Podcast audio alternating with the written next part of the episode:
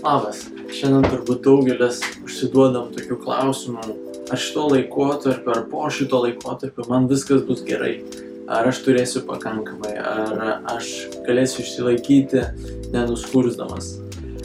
Jėzus irgi yra patyręs daug nepritekliaus, kančios ir netgi mirti.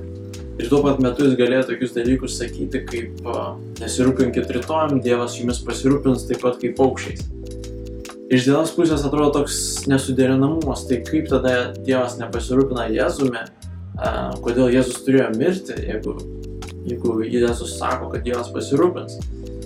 Ir vienintelis dalykas, ką mes galim pasakyti, yra, turim pripažinti, kad Biblija nežada mums saugaus gyvenimo ir tokio visų poreikių šitam gyvenime patenkinimo.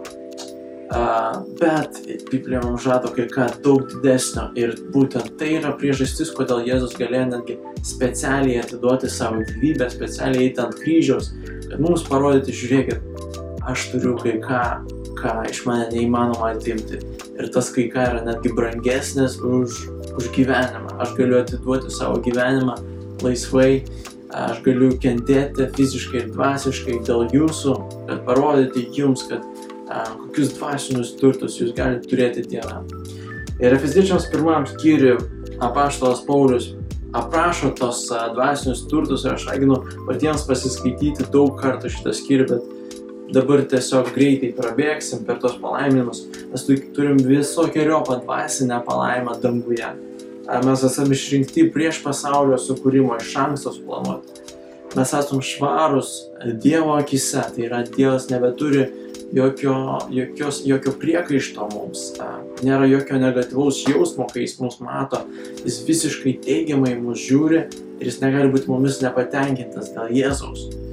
Mes esame įsūnyti šeimoje Dievo, pakviesti apipilti malonę Dievo, mūsų nuodėmės yra atleistas, mes esame tapę paveldėtojais ir esam užanspaudoti Dievo dvasia, tai yra jis sako, šitie yra mano ir joks virusas, darbo netektis, lyga, sunkumai šitam gyvenime negali atimti jos iš mano amžino plano, iš, negali iš jo atimti tų amžinų dvasinių turtų, kurio aš jiems yra, esu davęs. Ir dabar žiūrėkit, šitie dalykai skamba labai gerai, bet kartais jie neduoda toks jausmas kažkaip nejaudina, kažkaip nieko nekeičia, viduje neina patikėti, ar tikrai taip yra. Ir tai viskas yra normalu. Būtent todėl apaštalas Paulius tam pačiam skyriui sako, meldžiasi už tos žmonės, sako, aš meldžiu, kad Dievas a, duotų jums dvasios, a, prieškimo dvasios. Tai sako, turi būti ant gamtinės dalykas, kad tu galėtum to patikėti. A, kad, tu sako, tavo širdis turi būti apšviesta.